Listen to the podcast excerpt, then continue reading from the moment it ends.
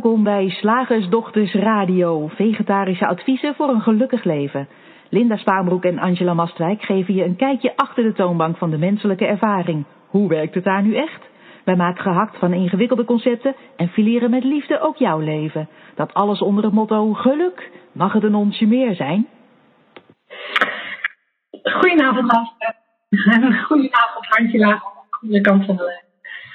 Met een enorme echo. Ja, die hoor ik ook bij jou. Uh, nou, als jij de uitzending alvast zou willen beginnen, Angela, ga ik even kijken ja. of het helpt uh, als ik opnieuw inbel. Ja, prima.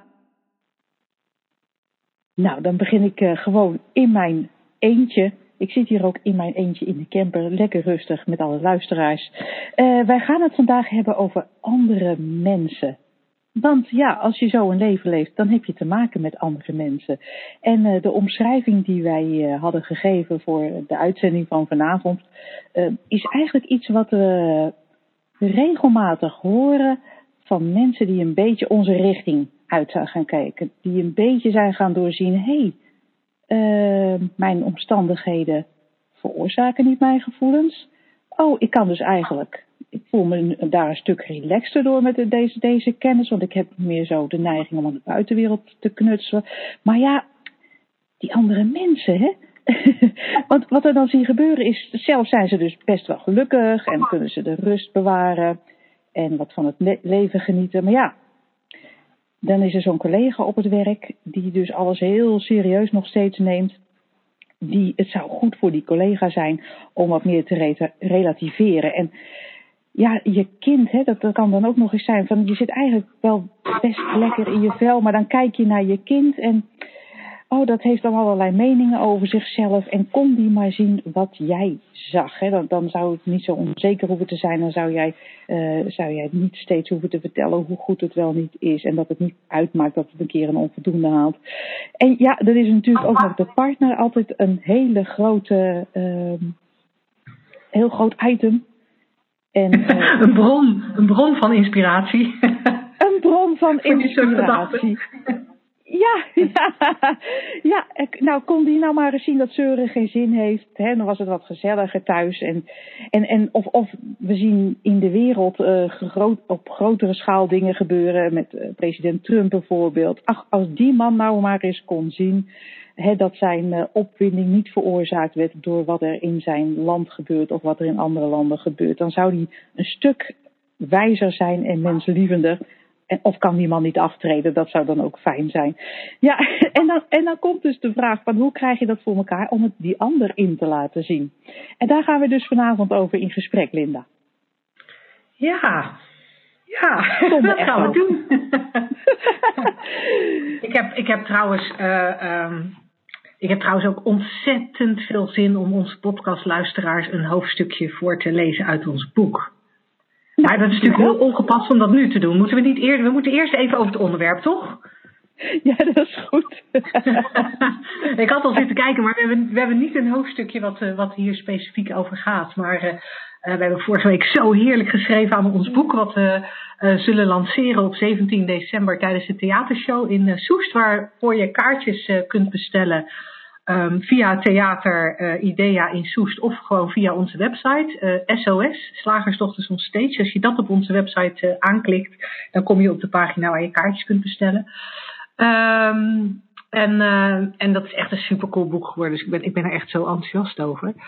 um, maar we hebben dus geen hoofdstuk ges geschreven over waar we het uh, vanavond over wilden hebben. Wat ik, wat ik zelf zie is dat het, het is voor de hand liggend om, uh, om te denken van hé, hey, ik zit lekker in mijn vel en ik gun andere mensen zo wat ik op dit moment ervaar. En tegelijkertijd zien we dat um, als, als een. Er zijn een aantal verschillende situaties. Als je iemand voor je hebt die helemaal in een, zoals ik dat graag noem, een gedachtenstorm zit over iets. Dan kan je op zo'n moment proberen die ander te laten zien wat jij ziet. Hè? Dan kan je op zo'n moment beginnen over van ja, maar het zijn alleen je gedachten. En dat lijkt wel echt door je bewustzijn, maar het is niet echt. Uh, maar op het moment dat iemand midden in een gedachtenstorm zit, helpt dat buitengewoon weinig. Als ik in een gedachtenstorm zit en ik zeg het tegen mezelf, nou het enige wat het oplevert is dat ik dan bij mezelf kan denken, oh nou ja, dan gaat het vanzelf wel over. Maar vervolgens ga ik toch gewoon door met, nou ja, met, met het voelen van wat ik op dat moment voel. Zo zitten we als mensen nou eenmaal in elkaar. Dus, dus dat is een dingetje wat sowieso al geen zin heeft. En het andere is dat um, op het moment dat je um, oordeelt over andere mensen dat zij het niet zo goed zien of dat ze zich beter zouden kunnen voelen of dat het anders zou moeten. Um, dan ben je wel voor, je, bent op een bepaalde manier voor hen aan het denken. En dat doet me denken aan een eh, blogje wat jij laatst uh, had geplaatst, uh, Angela, waarin jij schrijft ja, iets in de trant van ze oordeelt zo, oordelen wij. Ehm, je, had, je, had, je, had, nog een aantal. Weet ja. jij wat, Jo? Hou op met schreeuwen, schreeuwde hij. en uh, ja, de, de, rest is mij even ontschoten. Maar, maar wat jij zegt, daar zit natuurlijk een, eh, een, een, eh, een groot inzicht in. Dat hoe wij de ander zien, is, is onze visie, is onze gedachte. En dan is het natuurlijk heel interessant dat we vervolgens vinden dat die ander moet veranderen. Hè? Ja, ja. Ja, en waar je volgens mij ook aan voorbij gaat op zo'n moment is de, ja, wat, wat ze in het Engels de innate health noemen. Ik heb daar nog, nog steeds niet echt een goed Nederlands woord voor. Het innerlijk welzijn. Uh, ja. Maar innate health vind ik dan net even mooier klinken. Heb ik meer gevoel bij op de een of andere manier. Uh, die zie je dan ook over het hoofd. Want ja, iemand kan zich op een bepaalde manier gedragen. Of iemand kan verdrietiger zijn dan jij graag zou willen of uh, bozer zijn dan jij graag zou willen. Maar onder dat boze gedrag en onder dat verdriet zit wel ook nog steeds uh, dat welzijn van die ander. En ik heb de indruk meer en meer dat het veel behulpzamer is om dat te blijven zien. Ja, iemand is oké, ook al schreeuwt hij. Iemand is oké, ook al is hij verdrietig. Want daaronder zit altijd dat welzijn. Onder, onder dat, dat, hè, dat verdriet of die boosheid, wat, wat puur veroorzaakt wordt door gedachten in dat moment, zit, zit die hele gezonde kern.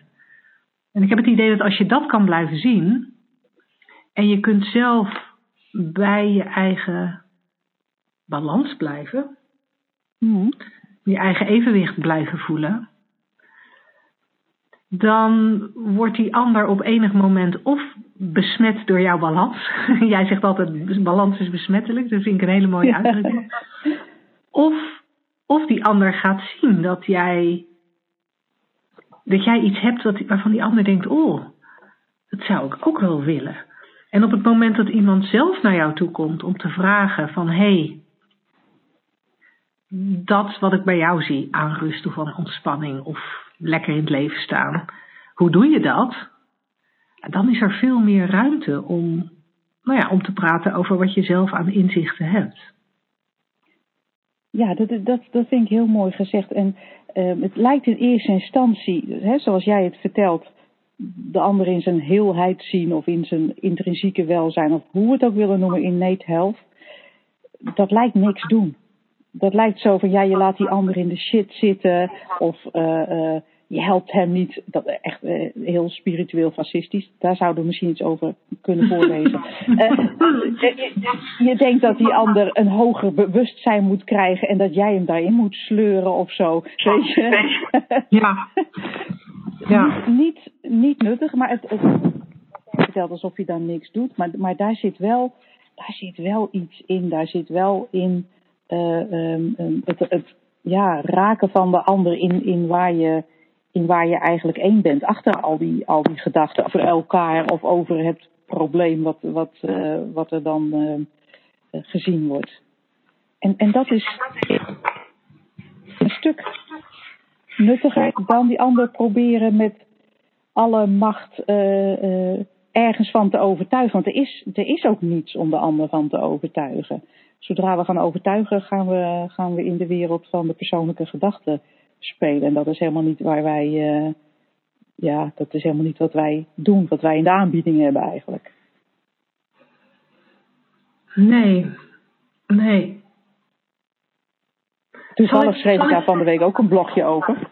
Ja. Want, eh, en dat was heel grappig. Dat heb ik jou nog niet verteld, maar er was een mevrouw die ons naar aanleiding van de aankondiging van deze radioshow mailde. Uh, die maakte zich bezorgd.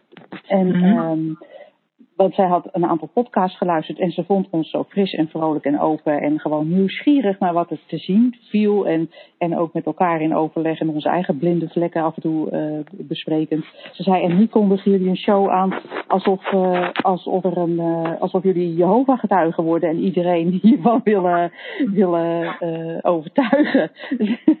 dat vond ik, vond ik heel grappig. Ik zei, nou ik, ik hoop dat je luistert, want dan zul je, dan zul je horen dat wij juist iets heel anders gaan zeggen. En ik kon haar gelukkig ook het blogje van toevallig die dag of de dag ervoor uh, delen, wat uh, heet Vrede door je strot.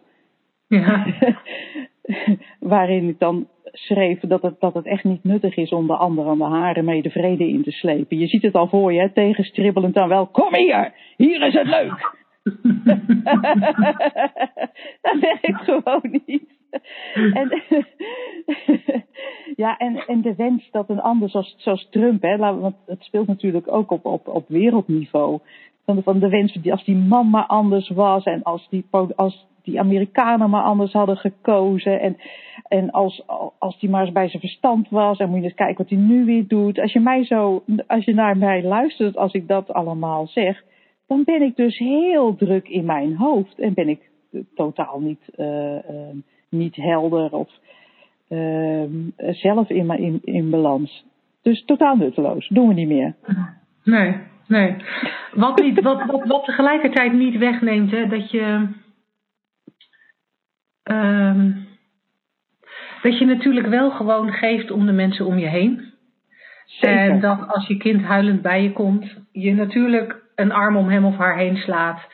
En, ja. en, en vanuit jouw eigen wijsheid op dat moment uh, nou ja, zegt wat in je opkomt. Wat de ene keer Mhm. misschien een heel recht door zee advies is en de andere keer alleen maar een, een, een, een licht duwtje is in de richting van kijk, kijk, kijk eens, hieronder al deze gedachten gaat het goed met je. En dat, dat, wat, je, wat je in zo'n moment zegt is, uh, is steeds anders. Dus, dus het is ook niet zo dat wij zeggen, weet je, trek je helemaal nergens wat van aan. Maar Nee. wat, waar, waar denk ik een heel groot verschil in zit, en daar moest ik aan denken um, toen jij net je laatste opmerking maakte, dat we, dat we vaak zo geneigd zijn om um, uh, ook, of misschien wel juist als we zelf uh, lekker in ons vel zitten en, en ons gelukkig voelen, uh, en, en, misschien in het verleden wel minder gelukkig geweest zijn, dus ook echt het gevoel hebben van hé, hey, ik, ik, ik heb iets ontdekt wat, nou ja, waar het leven leuker van wordt.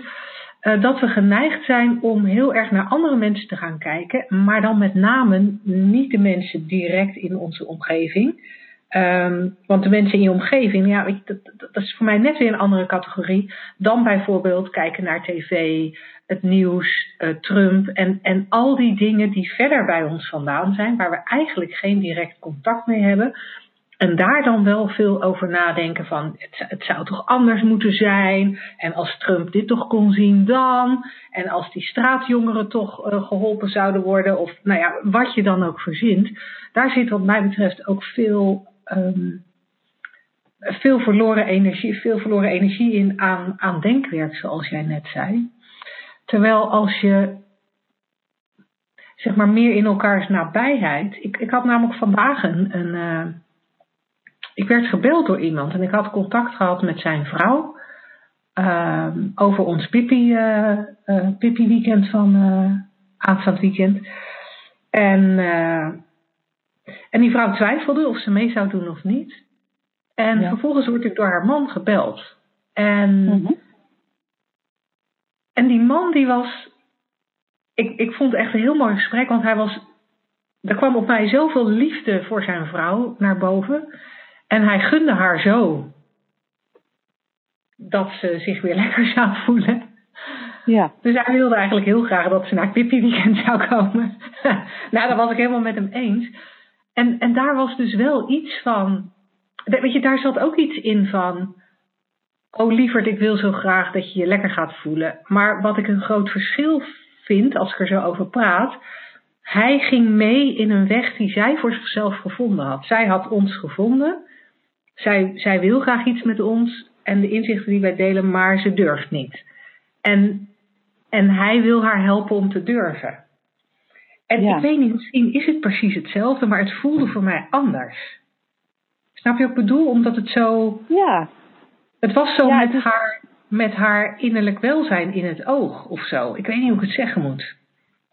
Ja, en, en ik denk ook niet dat dat heel goed in woorden is uit te drukken. Uh, uh, wat de, hoe jij dat gesprek hebt, uh, de sfeer van dat gesprek hebt ervaren en, en kon, kon zien met welke van, van waar deze man sprak.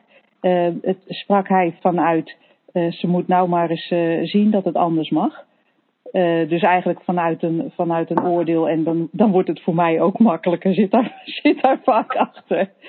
Ja. Of zoals, zoals, zoals jij dus opgemerkt hebt, vanuit, vanuit liefde van, oh ik, ik, ik gun je dit ook op jouw manier. En, en blijkbaar wil je deze kant op, doe maar schat. Ja, ja, ja. Oh, het, was echt, het was echt zo lief, want hij, hij vertelde er zelfs nog bij, ja en ik heb ook al naar een paar uh, van jullie afleveringen geluisterd. Want ja, het is natuurlijk wel beter voor haar als ik hier ook wat van weet. Nou, ik, ik, was, echt, ik, ik was echt ontroerd. dus dat is dan even de andere kant. Um, die, er, uh, die er ook is. Ja, zal, ik, zal, ik, zal ik dat hoofdstukje even voorlezen? Lees het is uh, een hoofdstukje voor. Ja, het is een van de hoofdstukken uit ons, uit ons boek. Ons boek heet Het mag ook makkelijk. En um, wat we doen uh, in dit boek is dat we. Um, nou, wij, wij schrijven dit boek als de slagersdochters. En, uh, en wij beschrijven eigenlijk een aantal soort prototypische, eigenlijk moet ik zeggen, stereotypische klanten. Uh, um, die voor de toonbank van onze ouders hadden kunnen staan. En naar aanleiding van, van, van die verschillende klanten ja, hopen, we ook wat in, hopen we ook inzichten te delen en uh, inzichten in de drie principes. En een van de klanten die wij beschrijven is de spiritueel fascist. En ik lees hem voor, alhoewel die door Angela ge geschreven is, omdat Angela namelijk heel snel voorleest. dat, is bijna niet te, dat is bijna niet te horen wat ze dan zegt, zo snel kan ze voorlezen. Ga je gang. Een van onze vaste klanten was mevrouw De Bond. Zij kwam uitsluitend en alleen om hart te halen voor haar hondje. Zelf kon mevrouw de Bond het niet over haar hart verkrijgen om iets te eten wat ook maar enigszins naar vlees riekte. Dat soort onbewust gedrag had ze ver achter zich gelaten sinds haar bezoek aan de ashram van een Indiase goeroe met een onuitsprekelijke naam. Daar had zij wekenlang in absolute stilte doorgebracht en was ze haar ego kwijtgeraakt. Wat er nog van mevrouw de Bond over was, moest toen ook een andere naam krijgen. Hendrika past gewoonweg niet meer bij me, had ze mijn verbijsterde vader verteld.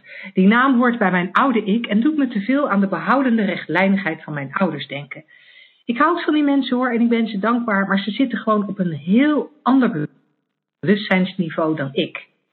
Sri, Sri Spiriwiri had haar gelukkig van een nieuwe naam voorzien.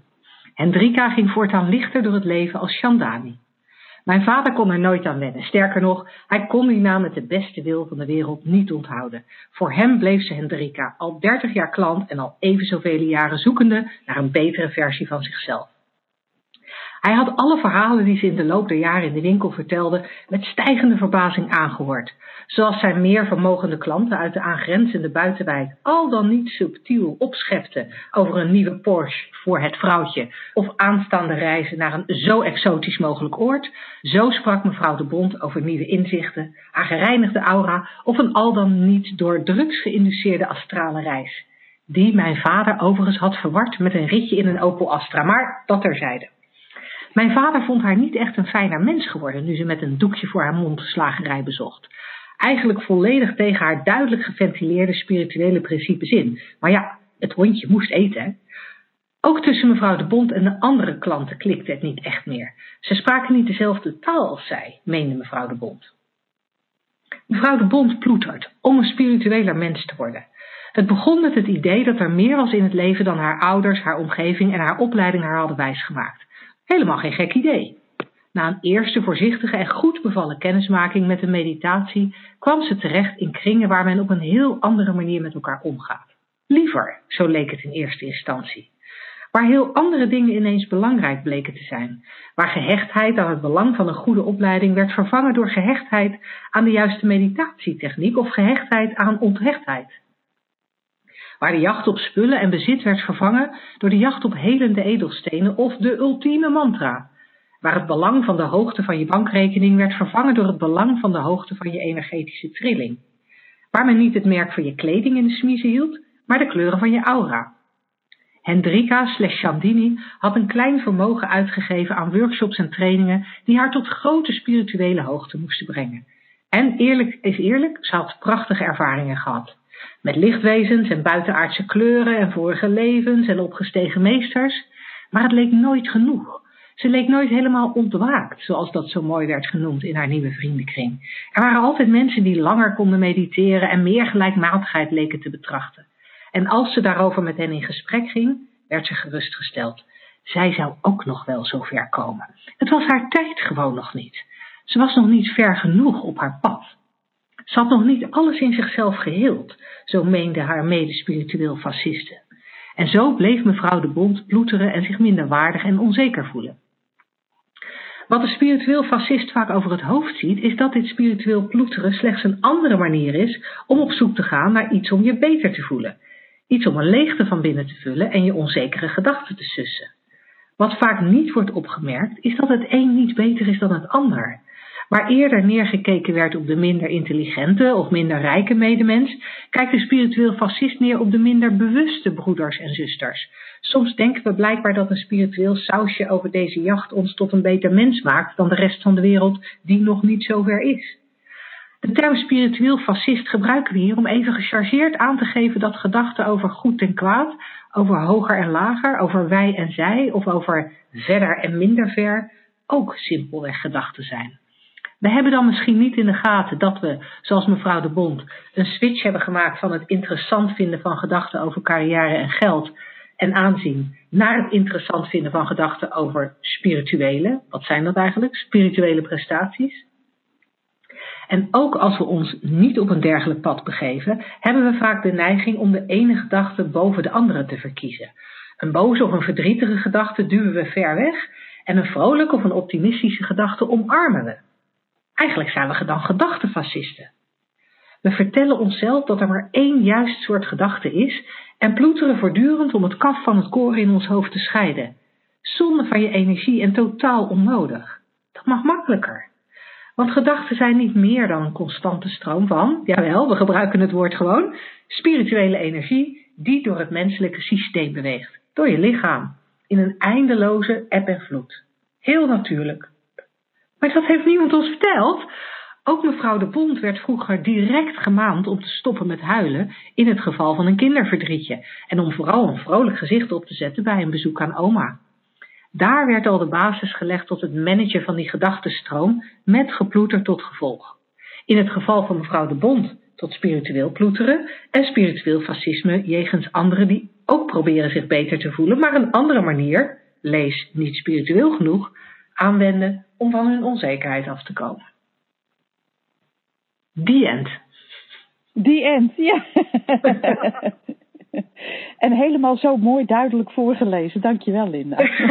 dat, dat, doe ik jou inderdaad niet na. nou, dan mochten wij overgaan tot een leesboek, een voorleesboek. Hoe zeg je dat? Een luisterboek. dan zal ik hem inspreken. dat lijkt mij een heel goed idee, ja. Ja, en ik hoop ook dat, uh, dat de oh, oh, sorry, sorry. Oh. Slagersdochters, wat zit er in de leverworst? Oftewel, tijd voor wat wetenschap. Ja, tijd voor wat wetenschap. Ik zei nog één zinnetje, maar dat geeft niet. Er kwam de koe tussendoor. Ik zei, ik hoop dat onze uh, melende mevrouw ook gerustgesteld is dat wij uh, niemand uh, met, de haren, met aan de haren de drie principles in willen sleuren. Goed. Ik zou niet durven. Over naar de wetenschap. En um, vandaag wil ik dus eigenlijk even terug helemaal naar de basis van kwantumfysica. Want weet je waarom? Ik vind het zelf ook heel fijn om steeds weer terug te komen naar de basis van die drie principes. Om het steeds weer helder te krijgen en steeds weer de eenvoud daarvan uh, te zien. Waardoor je ja, automatisch minder na gaat denken. Nou, eenvoud bij kwantumfysica is misschien niet helemaal de juiste combinatie. Maar we duiken gewoon de wonderenwereld uh, van de kwantumfysica weer eens in. En die is nogal vreemd en die werpt een licht over onze wereld op een manier die het bestaande raamwerk van geaccepteerde kennis uitdaagt, op zijn zachtst gezegd. En eigenlijk is dat hetzelfde wat wij met de drie principes doen uh, op het gebied van psychologie. Hè. Wij, niet dat wij uh, persoonlijk dat doen, maar het daagt alles uit wat er op dit moment uh, is, is opgetekend in de psychologie, in de, in de DSM, in, in behandelmethodes. Nou, kwantumfysica doet dat met de ouderwetse natuurkunde. En waarom is dat? Nou, als we. En, en waarom. Even kijken hoor, ik, ik ben even mijn tekst kwijt. Het gaat dus over onze materiële wereld, de fysieke materiële wereld, waarvan de kwantumfysica zegt. Die is in feite helemaal niet fysiek of materieel, verre van dat zelfs. En dat is op allerlei manieren en steeds weer opnieuw bewezen door onder andere diverse Nobelprijswinnaars, dus niet de minste onder ons. Waaronder Niels Bohr, uh, dat is een Deense natuurkundige die belangrijke bijdrage heeft geleverd aan het begrijpen van atomaire structuren en de kwantumtheorie. En die zei ooit, dat is al een tijdje geleden, dit, dit speelt uh, al rond uh, de eeuwwisseling van de 19e naar de 20e eeuw dat men zich hierin verdiepen. Hij zei als kwantummechanica je niet diep gechoqueerd heeft, dan heb je het nog niet begrepen. Alles wat we echt noemen bestaat uit dingen die als niet echt beschouwd kunnen worden. En ook hier zag ik weer een parallel, Linda. Van ja, die drie. Ja, hè? Ja. Die drie principes, dat klinkt ook echt zo van, uh, hey, je, je kan dat als kennisgeving aannemen. Ja, oké, okay, mind, consciousness, thoughts. Er is leven en daarin beleef je denken. Ja, so what? En zolang dat je niet eigenlijk je hele wereld niet op, op zijn kop heeft gezet, of binnenste buiten heeft gekeerd, zou ik liever zeggen, dan is er nog iets uh, te zien. Dan, dan mis je nog een diepere betekenis, zonder uh, daar gelijk een oordeel over te vellen. Maar dan is er meer te zien als, als het niet je leven uh, op zijn kop heeft gezet. Nou, even weer terug naar de kwantumfysica. Dat is dus al heel lang geleden begonnen, het onderzoek daarna daarnaar. Natuurkundigen zijn begonnen met het onderzoeken van de relatie tussen energie en de structuur van materie. En, en daarmee uh, werd eigenlijk het Newtoniaanse universum, hè, waarin alles fysiek was, waarin het, het universum een uh, grote machine was, dat, dat werd achtergelaten. En dat was tot, tot dan toe de kern van alle wetenschappelijke kennis. We zijn nou, dat, dat, dat klopt niet helemaal. En daarvoor in de plaats kwam de realisatie dat materie niet meer dan een illusie is. Wetenschappers begonnen te zien en te erkennen dat alles in het universum uit energie bestaat. Ze ontdekten dat fysieke atomen, die, die dus eh, met een hele sterke microscoop nog waar te, nemen zijn, waar te nemen zijn, die bestaan eigenlijk uit draaikolkjes, van die vortexfiguurtjes ja. van energie, en, en die voortdurend ronddraaien en vibreren, terwijl ze elk hun unieke energetische handtekening uitstralen. En dat geldt dus ook voor de mensen. Wij bestaan ook uit materie, uit vlees en bloed en, en uiteindelijk uit atomen. Maar zelf zijn wij dus ook ja, uh, wezens, zou je kunnen zeggen. Dat, dat vind ik gelijk uh, een soort klinken als een alien. Maar goed, wij zijn dus ook energie en vibratie. En uh, wij hebben ook allemaal onze eigen unieke energetische handtekening, blijkbaar. Want dat is wat de kwantumnatuurkunde ons vertelt. Um, en, en dat, daaruit volgt ook dat wij meer zijn dan wat we tot, al, wat we tot dan toe gedacht hadden. Meer dan alleen dat, dat fysieke lijf. Nou, als je dus de samenstelling van atomen met een microscoop zou bekijken, hè, dan zou je niet met het blote oog niet waarneembare van die tornado-achtige draaikolletjes zien, dus die energie waar ik het over had, die vortexjes. En met een oneindig aantal kleine draaikolkjes daartussen van, die we quarks en fotons noemen. En die vormen samen dus de structuur van een atoom waar alles uit is opgebouwd. Maar als je steeds zou verder inzoomen op die structuur, dan zou je niks zien. Dan zou er fysieke leegte waar te nemen zijn. Dus een atoom heeft in de kern geen fysieke structuur. Wij hebben dus in de kern geen fysieke structuur, fysieke dingen. De tafel, de camper, de, de, gordijnen, de kachel hier. Geen fysieke structuur. En ooit zei, zei Richard Con Henry, die, die was professor in de natuurkunde en astro astronomie aan uh, de John Hopkins University. Oh, dit is trouwens een meer recente meneer die, die een boek heeft geschreven, The Mental Universe. Die zei, wend er maar aan, mensen van de wereld. Het universum is immaterieel, het, het, het bestaat niet. Het is geestelijk en spiritueel. Ja. En het is natuurlijk, dat is natuurlijk een groot raadsel, want onze ervaring hè, vertelt ons echt dat het uit fysieke materiële dingen bestaat. Ik voel in mijn lijf, als ik mijn, mijn been stoot, ja, dan kan ik wel bedenken dat, dat er niets elkaar raakt, hè, niets en niets, maar ik voel hem toch echt, ik krijg echt een blauwe plek. Ja, en toch is het, ja, en toch is het een holistische verstrenging, verstrengeling van immateriële energiegolven. En, en Albert Einstein zag dat zo, Max Planck zag dat zo, Werner Heisenberg zag dat zo, allemaal grote namen uit uh, de natuurkunde. Nou, als, als laatste, wat betekent dat nu, hè? Als het, niet helemaal, als het helemaal niet fysiek is, alles wat we waarnemen en onszelf daarin. Nou, volgens uh, artikel, uh, het artikel wat ik daarover gelezen heb, zou het een aantal uh, implicaties hebben. En veel wetenschappers hebben de sprong al gewaagd om zich dit ook af te vragen. En, en met mogelijke implicaties op de proppen gekomen. Waarvan er één is, een hele bekende, waar we het ook al eerder in de radioshow over hebben gehad met het dubbel split experiment. Een van de implicaties zou kunnen zijn dat de observator, het bewustzijn, de realiteit creëert. En dat wordt ook door vele spirituele stromingen omarmd. En ook in de Three Principles zeggen wij dat het denken als spirituele kracht creëert een realiteit.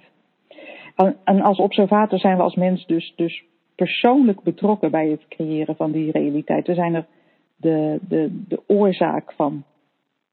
Nou, en de, de, verwachting is, en dat zien we ook steeds in de dingen die we in dit wetenschapskwartiertje bespreken, dat onze kennis steeds meer die richting op zal gaan van, niet van een niet-mechanische, dus een niet-materiële realiteit. En Sir James Jeans, dat, was, uh, dat is wel weer eentje uit de oude doos. Dat was een, was een hele bekende natuurkundige astronoom en filosoof en een, en een, pionier op dit gebied. Die schreef, en daar wil ik mee afsluiten en, en jou uh, vragen om, uh, om commentaar, want ik vind, ik vind het namelijk een hele leuke. Hij schreef, het universum begint voor mij steeds meer de richting op te gaan van een, steeds meer te lijken op een grote gedachte in plaats van een grote machine. Hm. Ha, ja. Eén grote gedachte. Ja. Ja. Ja. Ja, het, wat, ik uh, word er een beetje stil van. Ik heb er niet zo heel veel aan toe te voegen eigenlijk. Het enige is wat ik, wat ik zelf, uh, wat ik zelf merk, of, en, en, vooral ook heb gemerkt, maar als, als je zo over dit onderwerp begint, komt dat weer boven. Um, het is, het is totaal niet te bevatten. Het is een of andere hele rare mindfuck dat, dat alles wat we waarnemen er alleen maar is omdat wij het waarnemen. Ja. Dan is dit gesprek er alleen maar omdat ik dat gesprek waarneem. Maar jij doet van jouw kant ook iets. Jij neemt ook iets waar. Dus hoe kan dat, hoe past dat bij elkaar? En en, en als je daarover na gaat denken, dan loop je volgens mij totaal vast. Ja. En ja. Waar ik voor gekozen heb, is om het. Uh,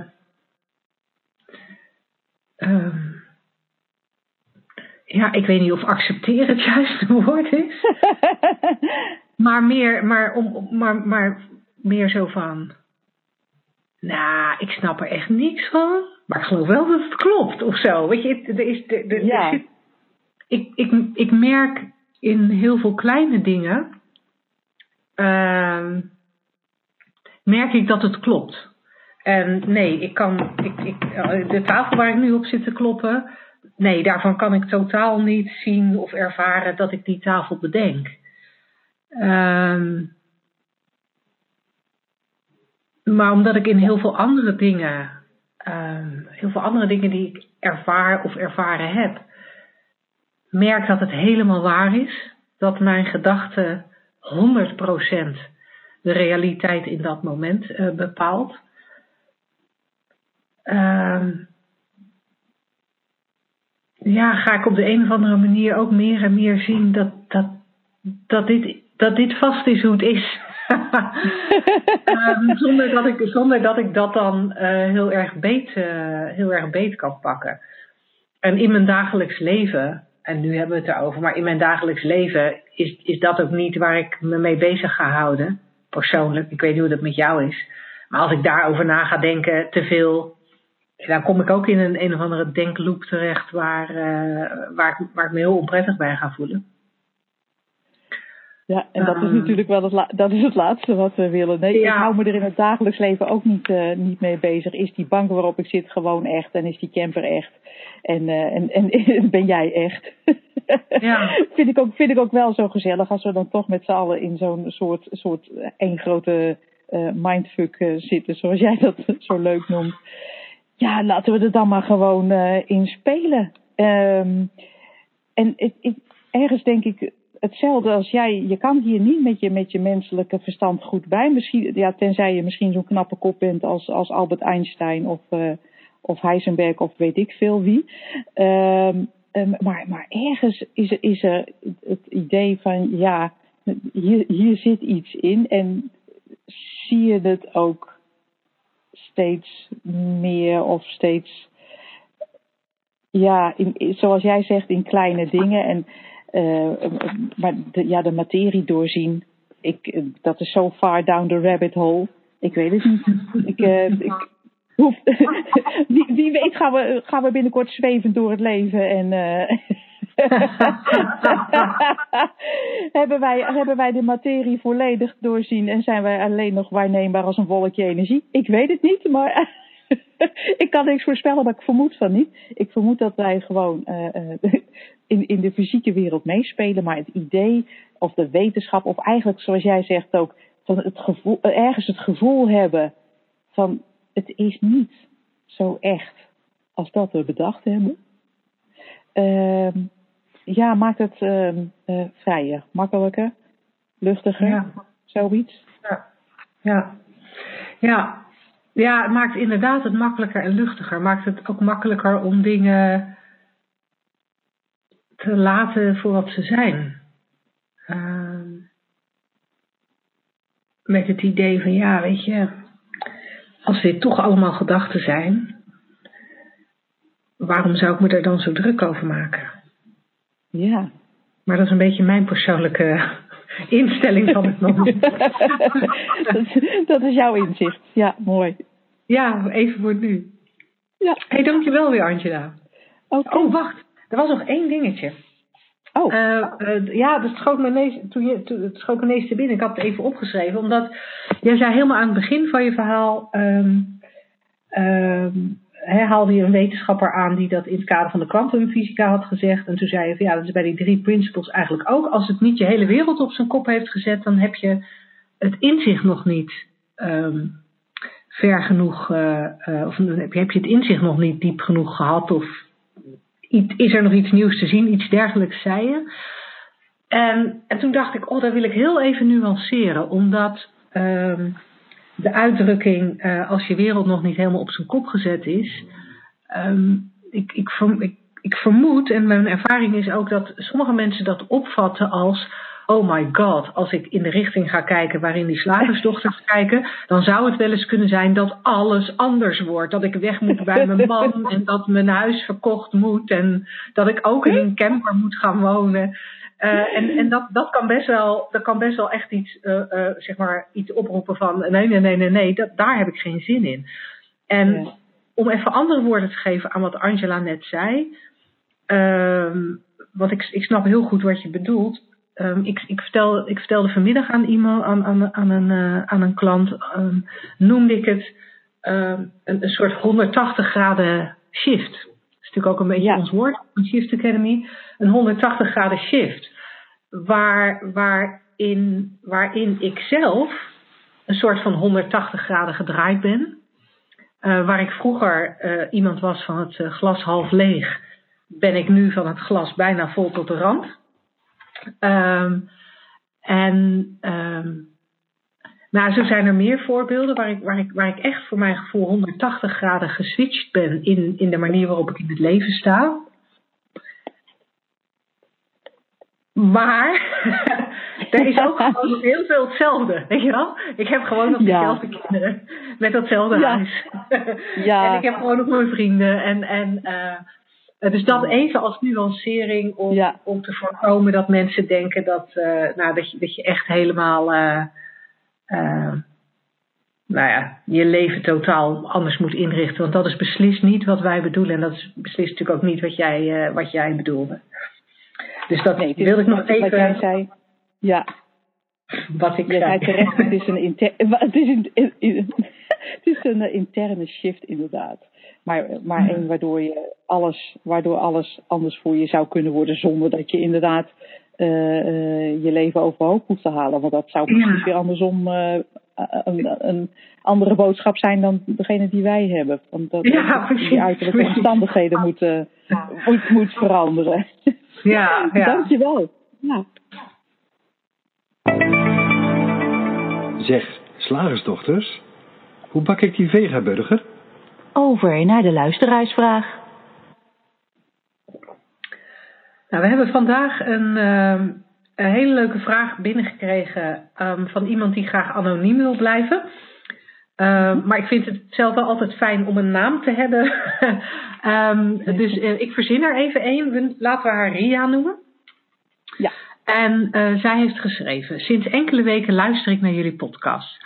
Ook het e-book heb ik gelezen. Ik ben fan. Overigens, even voor alle nieuwe luisteraars. Waar eh, Ria naar verwijst, is het e-book Drie Stappen naar Geluk. Dat je gratis aan kunt vragen op onze website. Dus doe dat als je hem nog niet hebt aangevraagd. Dan lees je ook meer over de achtergronden van eh, waaruit wij praten. En eh, Ria zegt: eh, Ik ben fan. Verfrissend hoor, hoe jullie kijken naar allerlei dingen des levens. Het verruimt mijn denken en ik kan mezelf en mijn gedrag en handelen weer leuk vernieuwend onder de loep nemen. Waar ik eerder deze weken dacht bij het luisteren naar jullie, hey leuk, zo sta ik al wel in het leven. Ehm, er valt zeker wat te fine-tunen, maar in mijn kern doe en denk ik al zo, kom ik deze week ineens erg in de knel. Een van mijn kinderen zit in een zeer benarde situatie. Volwassen vent, daarom vooral als liefdevolle betrokken ouders voor ons een zwaar gevoel. We hoeven het probleem niet op te lossen, bedoel ik. Er vooral voor hem zijn. Je kind doodongelukkig zien is heel moeilijk. In de adviessfeer kunnen we er voor hem zijn en zijn gezin. Ehm, en zo benadert hij ons ook. Hij is niet afhankelijk, maakt zelf zijn strategie. Vanuit hemzelf maakt hij ons zeer zeker, dus zeker geen probleemhebber. En toch zijn we dat. Maar dat doen we zelf, dat weet ik natuurlijk wel. En zeker ik, ik lig er werkelijk wakker van. En denk dus al piekerend al een paar nachten dat, dat wakker liggen en tobberen, inderdaad een mooi woord, wat ik ooit eens in een van de eerdere uh, uh, afleveringen heb gebruikt, geloof ik, of we hebben er iets over geschreven, uh, echt niets helpt. Cirkelgedachten zijn het. Je ziet de windmills of your mind er zo bij verschijnen. Mijn vraag ligt voor de hand. Hoe integreer je de theorie zodanig dat die ook bij echt heftige problemen verlossend werkt? Analyse leerde me al dat het loslaten van gedachten me een, een, gevoel geven alsof ik mijn zoon tekort doe. Alsof ik met wegwuiven, het zijn maar gedachten, onverschillig lijk. Slagersdochters, hebben jullie een reactie op mijn lange verhaal? Je kind doodongelukkig zien is heel moeilijk. In de adviessfeer kunnen we er voor hem zijn uh, en voor zijn gezin. En. Oh nee, ik geloof dat ik iets. Oh nee, daar staat iets dubbel. Uh, dus dat was hem. Ja, dat was hem. Mooi. Hebben jullie een op mijn lange en, verhaal? Ja. En, en het, het mooie is, eigenlijk hebben we, hebben we het daar net uitgebreid over gehad bij, uh, bij het eerste deel van onze radioshow. Hè? Want als je iemand in je omgeving hebt die de wereld voor een doedelzak aanziet en die in een situatie ziet, zit die de hele wereld uh, zal uh, bestempelen als heftig en erg en, uh, en vervelend, is er, um, is er voor jezelf wat te zien? Is er voor jezelf inderdaad een, de mogelijkheid, ook al, ook al lukt het haar op dit moment, Ria op dit moment niet, om volledig in balans daar naar te kijken. En het mooie is, als je vanuit dat standpunt, vanuit die realisatie dat, dat ieder mens een oneindige wijsheid in zich heeft en dat,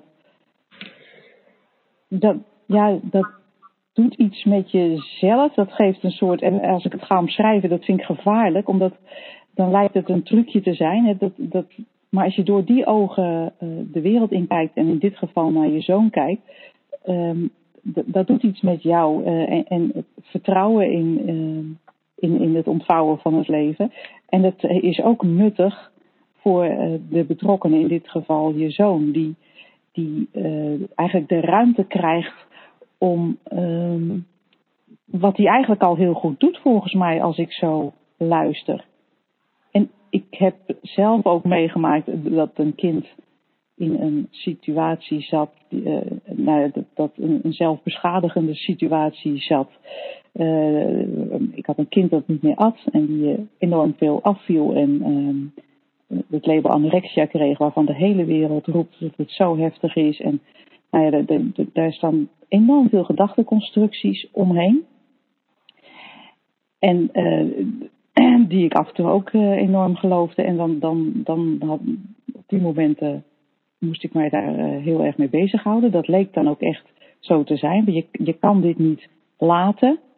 Je kind gaat dood. Je kan dit niet loslaten. Je moet wat doen. En tegelijkertijd heb ik in die periode heel sterk gemerkt dat komend vanuit een andere, vanuit een andere uitgangspunt, vanuit liefde noemde ik het destijds. Ik zou nu zeggen vanuit een diepe realisatie van hoe het leven in elkaar zit. En, en de wijsheid in, in de ander ziet. Is er zoveel meer ruimte om alsnog iets te zeggen als dat nodig is. Alsnog iets te doen als dat opkomt in het moment. En dat zijn niet noodzakelijkerwijs de dingen die, uh, die uh, standaard zijn. Uh, Om alsnog ehm, ja, je geeft jezelf eigenlijk de ruimte om, om je eigen wijsheid te zien en, en je kind ook. Ik, ik luisterde laatst ook naar een uitzending van een uh, in de Three Principles wereld vrij bekende psychiater, Dr. Bill Pettit. En dat ging toevallig ook over uh, eenzelfde situatie als waar ik in had gezeten met, met mijn zoon. Dat ging over een moeder met een, met een dochter dan met anorexia. En, en, en ik heb ja zitten roepen voor mijn computer, maar dat hoorde de beste man niet, want dat was gewoon een, ook een podcast. en, en, en hij zei van, toen de moeder dit kon zien, van dat ieder in elk moment alleen zijn eigen gedachten kan beleven en niet een situatie. Uh, en, en dat het inzicht daarin oplossend is, kwam er zo'n rust over die moeder waarin dat, waar, naar dat kind uh, ook de ruimte kreeg, kreeg om dit te gaan zien. Want het is aantrekkelijk, hè? balans is besmettelijk. En om, om, zijn eigen wijsheid te ontdekken, zonder dat er steeds uh, adviezen kwamen of, of in het geval van anorexia bijvoorbeeld uh, dwang tot eten. En als ik naar het verhaal van Ria luister, is dat totaal niet wat ze doet volgens mij. Um, is er juist al sprake van uh, een grote mate van ruimte en, en wijsheid. En ja, je luistert naar je kind. Dat, en, je, en je bent er voor dat, dat kind. Maar volgens mij ehm, is Ria al een heel end. Het ziet ze zelf niet hoe goed ze het doet. Dat zie ja, nou, wat, ik, wat, ik, wat ik daarnaast ook nog in, in Ria's vraag hoor, is. Um, het feit dat ze benoemt dat ze wakker ligt en, en dat ze zich er zoveel zorgen over maakt. En ik hoor, ik hoor ook in haar vraag van ja, hoe, hoe vind ik nou verlichting als ik me zo'n zorgen maak en, en, en wakker lig? Ja. En er zijn een aantal dingen die ik daar, die ik daar zie. Um, het ene is dat we als mensen de neiging hebben, en dat kwam ook in dat stukje over die spirituele fascist naar voren. Niet dat jij dat bent, Ria, maar, uh, maar dat, dat, we, dat, we, dat we een soort gedachtenfascisten zijn. Dat we, we willen alleen maar een bepaald type gedachte. En we willen ons alleen maar op een bepaalde manier voelen. En we vinden het eigenlijk helemaal niet acceptabel om wakker te liggen. En we vinden het niet acceptabel om verdrietig te zijn of om ons zorgen te maken. Daar willen we heel graag heel hard van weglopen. Terwijl die gevoelens um, net als al je gevoelens, voortkomen uit gedachten. Alleen zijn, zijn het in deze momenten, als je dan s'nachts wakker ligt en als je je zorgen maakt, zijn het zorgelijke gedachten, onzekere gedachten, verdrietige gedachten. En die leveren automatisch verdrietige, onrustige, zorgelijke emoties en gevoelens op. En, en dat is het systeem. Meer is er eigenlijk niet aan de hand. Niet met jouzelf, Ria in dit geval, en ook niet met, uh, met je zoon en zijn gezin. Jij bent, als je s'nachts wakker ligt met zorgelijke gedachten, nog steeds oké. want het enige dat er aan de hand is, is een gedachtenstorm. En als we dat weten, en, en, en, en je kan ook herkennen van, oh, ik heb een oordeel over het type gevoel wat ik wel mag hebben en het type gevoel dat ik niet mag hebben. Dan ga je ook herkennen, althans dat is mijn ervaring, um, in die momenten dat ik mij verdrietig voel, um, bijvoorbeeld, dan, dan herken ik bij mezelf dat ik de neiging heb om dat niet te willen. zeker, zeker, zeker vanuit het beroep wat wij hebben. Ik, ja, hoor eens. ik heb die hele verhalen over moeiteloos leven. En dat ik zo gelukkig ben. En dan loop ik hier verdrietig te zijn. Dat kan natuurlijk niet. Um, maar dan, dan realiseer ik me. Natuurlijk kan dat. Want net als elk mens heb, heb ik zo mijn gedachten en die geven mij gevoelens en emoties. En op dit moment zijn het blijkbaar niet zulke leuke gedachten of gevoelens, uh, gevoelens. Maar omdat ik, de, de, omdat ik weet dat het voorbij gaat, omdat ik weet dat gedachten altijd vloeibaar zijn. Uh, dus dus dat, weet je, dat, dat, dat, dat zijn wolken die voorbij drijven. En ja, dan loop ik even met een uh, denkbeeldige onweerswolk boven mijn hoofd. Maar als ik daar niet zoveel mee doe, dan, dan drijft die wolk weer over. Dan komen er weer nieuwe gedachten, andere gedachten en dan voel ik mij ook weer anders. En ik merk dat, dat als je dat gaat herkennen, van hé, hey, natuurlijk is het logisch dat ik niet alleen maar happy de peppy gedachten en gevoelens heb. Natuurlijk heb ik ook gedachten, gevoelens en emoties die, ook, die, die vanuit onzekerheid komen, of vanuit angst, of vanuit zorgen, of wat het dan ook is. Maar de essentie is hetzelfde. Of het nou een gelukkig gevoel is met gelukkige gedachten, of een zorgelijke gedachte met een zorgelijk gevoel.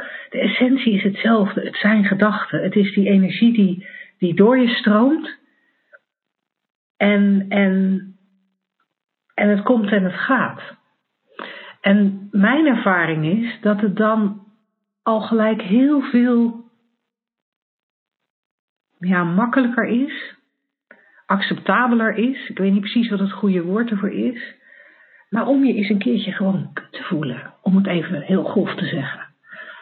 um, en daar hoef je niks aan te sleutelen. Want dat is een beetje wat ik in Ria's vraag hoor. Van, ja, hoe kan ik daar beter mee omgaan? Dat hoeft niet, Ria. Als je, als je in de richting blijft kijken waarin wij wijzen, ga je meer en meer die vloeibaarheid van je gedachten zien. Ga je meer en meer zien hoe dat systeem werkt. En ga je ook meer en meer zien dat je niet bang hoeft te zijn van je gedachten of bang hoeft te zijn van je, ja, van je ervaring in dat moment. Dat die ook gewoon weer voorbij gaat. En dan gek genoeg, ja. komt het ook minder vaak voor. En want waar ik vroeger elke nacht wakker werd, um, is het me in de afgelopen drie jaar geloof ik twee nachten gebeurd dat ik, dat ik wakker lag met, met een hoofd vol gedachten. Um,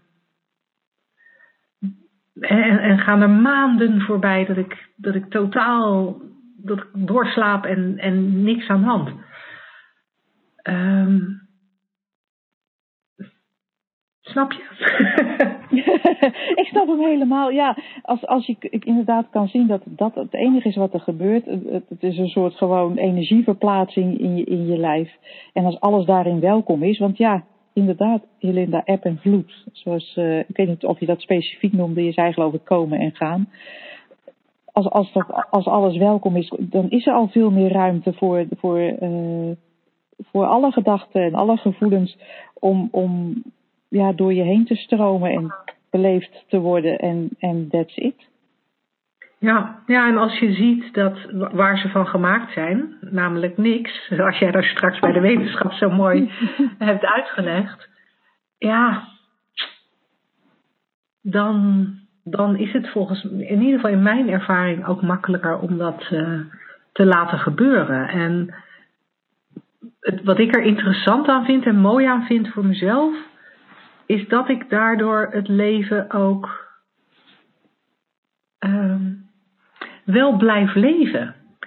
In plaats van een soort uh, ongevoelige zombie. Zombie te worden. Halloween is net geweest, hè? dus dat, uh, dat is ook wel weer het mooie ervan. En, en wat ik graag nog even wil aanhalen is een hele is een spreuk van George Pransky, een van, uh, van mijn mentoren. Um, die ooit heeft gezegd: Be grateful for the highs and be graceful with the lows. En, en ik denk, Ria, dat als je nu even in een low zit, ook al is die heel low, dat met deze inzichten je daar meer graceful mee om kan gaan dan, dan misschien in het verleden het geval zou zijn geweest. En, en, en daar dankbaar voor zijn, is, uh, is, is, heeft mij in ieder geval geholpen. ja, succes, Ria. Ja. Woensdag, gehaktdag. Zeg slagersdochters, welk concept gaat er vandaag door de molen? Het laatste onderdeel alweer van de radioshow, het concept. En we hebben nog niet zo heel veel tijd meer, dus we gaan er gewoon even doorheen jassen. Het is ook een heel kort concept. het is eigenlijk het begin van een zin. En uh, die luidt en dat. En daarachter kan je onnoemelijk veel invullen. En dat op zaterdagavond. En dat terwijl zijn moeder ziek is. En dat op die leeftijd. En dat in zijn positie. nou, en dat terwijl ik toch dacht dat het zo'n aardige vrouw was. Ja. ja, ik, uh, je hoort hem wel eens. Ik weet niet of jij hem ook wel eens hoort. Maar, ja, volgens mij hoor je die voortdurend. Oh, nou, kijk aan. Was hij leuk uitgezocht. Dus, dus en dat, dan wordt er een, uh, een eigenlijk een soort uh, vergelijking gemaakt tussen, tussen twee, uh, twee dingen. Een situatie, zaterdagavond, en een handeling of een andere situatie waarop je dan bijvoorbeeld niet mag werken, ik noem maar wat. Van zit je nou nog steeds aan dat boek te schrijven en dat op zaterdagavond? er of, um, um, en dat op die leeftijd vind ik ook een hele leuke. Dan, dan heeft iemand een, een, een leeftijd, dus een soort feit. Het aantal jaren dat je geleefd hebt, 50 of 60 of, of misschien 20. En, uh, en dan doet die persoon wat. En dat hoort dan daar niet bij. Dat is eigenlijk een soort de kern van dit concept. Hè? Mm. Twee, dingen, twee dingen die niet bij elkaar horen. Een soort een soort van quiz. Welke hoort hier niet bij? Het is zaterdagavond. Je zit aan de chips onderuitgezakt voor Netflix. Hoort dat? Ja, dat hoort. Ja, dat, je dat mag. Ja, dat mag. Daar hebben we verder niks over te zeggen. Het is zaterdagavond en je bent hard aan het werk voor een nieuw programma dat je wil maken. Ja, dat mag dan niet, want op zaterdag, dat hoort niet bij de zaterdagavond. En zo kunnen we dat natuurlijk ook invullen voor leeftijden. Uh, laten we 50 nemen, daar hebben wij wat mee, Linda. Ja. Uh, dat, dat, ja, ja, het kan ook zomaar zijn dat je als concept als mens hebt dat je op die leeftijd bepaalde dingen niet doet, bepaalde dingen juist wel moet doen. En ook, ik vind, moet ook altijd wel lachen om de vanzelfsprekendheid waarmee dat soort uitspraken wordt gedaan, alsof het waarheid betreft. En daar vinden wij wat van. nou, ik denk dat je met de uitleg van dit concept eigenlijk al hebt uitgelegd wat wij ervan vinden. Um, want, want, wat je, want, want wat er in feite gebeurt is, is twee willekeurige dingen. Um, um, daar een mening over hebben, daar een gedachte over hebben. En dat mag. Ja. Alleen vinden wij het dan wel fijn als je ziet dat die gedachte echt alleen maar jouw gedachte is. En niet de waarheid. Ja. En wat we misschien ook wel heel graag willen laten zien. maar ja, dan komt misschien die Jehovah in mij, uh, in mij boven. Dat, dat dat is wat we zo onwijs veel doen en waar we het onszelf zo ontzettend moeilijk mee maken. Want, want dat, ja, en, en dat op zaterdagavond, of, en dat op die leeftijd, dat, dat, dat zijn eigenlijk allemaal concepten op zich. Boven de 50 hoor je niet. Op zaterdag hoor je juist wel. Uh, het zijn allemaal kleine conceptjes die we, die, die we met ons meedragen. En die we als waarheid zijn gaan zien. En waar we ons nooit van afvragen of het waar is of niet waar is. En op de een of andere manier neemt het heel veel schijfruimte in. Op je harde schijf in je hoofd. Um, en schiet je daar ook helemaal niks mee op. Behalve dat je um, jezelf er heel veel regels mee oplegt. Want dat betekent dat je zelf ook niet op zaterdagavond mag werken als je daar toevallig zin in hebt. Of dat je straks na je vijftigste ook een bepaald iets niet meer mag, omdat je dan toch al vijftig bent. Um, ik ben even mijn uh, train of thought kwijt. Ja, nou, eh, wat jij zei over uh, het feit dat het heel veel beslag legt op je harde schijf, dat vind, ik een, dat vind ik een hele mooie. Het is onnodige ruis op de lijn. En ik kan, als ik, als ik, als ik terugkijk, je weet natuurlijk niet wat je op, op dit moment niet ziet. Ik heb geen idee wat mijn blinde vlekken zijn, want als ik dat zag, dan keek ik er wel doorheen.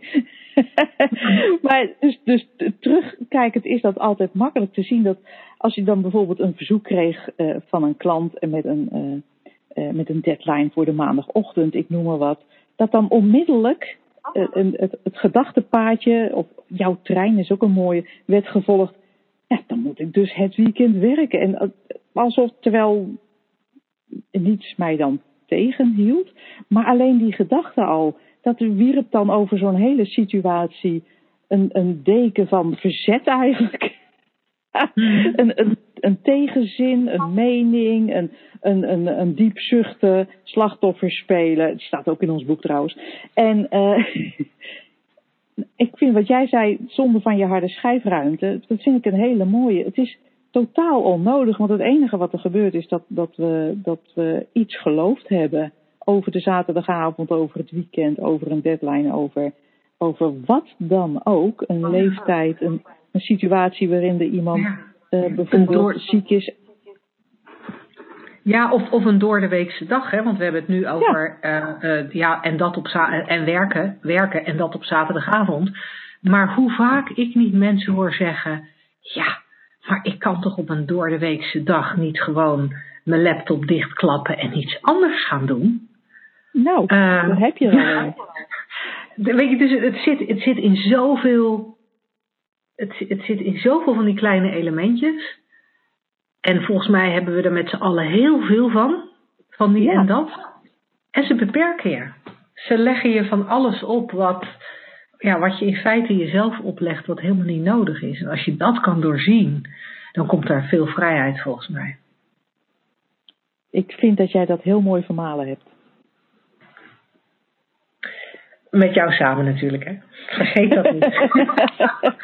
nou, dan zijn, we, dan zijn we aan het eind van onze uitzending. Ik zou uh, onze uh, luisteraars graag nog even willen uitnodigen. Dat uiteraard je vragen uh, voor deze radioshow welkom zijn via vragen.shiftacademy.nl. Ehm, we kunnen er best wel weer een paar gebruiken. Dus laat maar komen. En ik zou onze luisteraars heel graag nog even willen wijzen op het feit dat wij uh, dit weekend het Bevrijd Pippi in Jezelf weekend hebben. Dat is misschien een beetje kort dag om je nog voor in te schrijven. Uh, maar de week daarna hebben we de masterclass Rust in je hoofd. En dat is ook een prachtige kennismaking uh, met, of een prachtige verdieping van wat je in deze radioshow hoort. Dus als je zin hebt om om eens een dagje lekker die drie principles in te duiken. Kijk dan even op shiftacademy.nl uh, of die masterclass iets voor je is. Ja, ik weet niet of jij het gezien hebt, Linda. Hm? Maar daar zijn, daar, ik weet niet of jij dat in de gaten hebt gehouden, maar daar zijn nog maar twee plekken of zo voor. Dus oh, oké. Okay. Nee, dat heb ik niet uh, heel erg op mijn netvlies. Oké, okay, ja, nou, zijn nog maar twee plekken ja. Hartstikke cool. Hartstikke cool. Hey Asja, dankjewel weer voor het fijne gesprek. Luisteraars, dankjewel voor het luisteren en heel graag tot de volgende keer. Tot dan.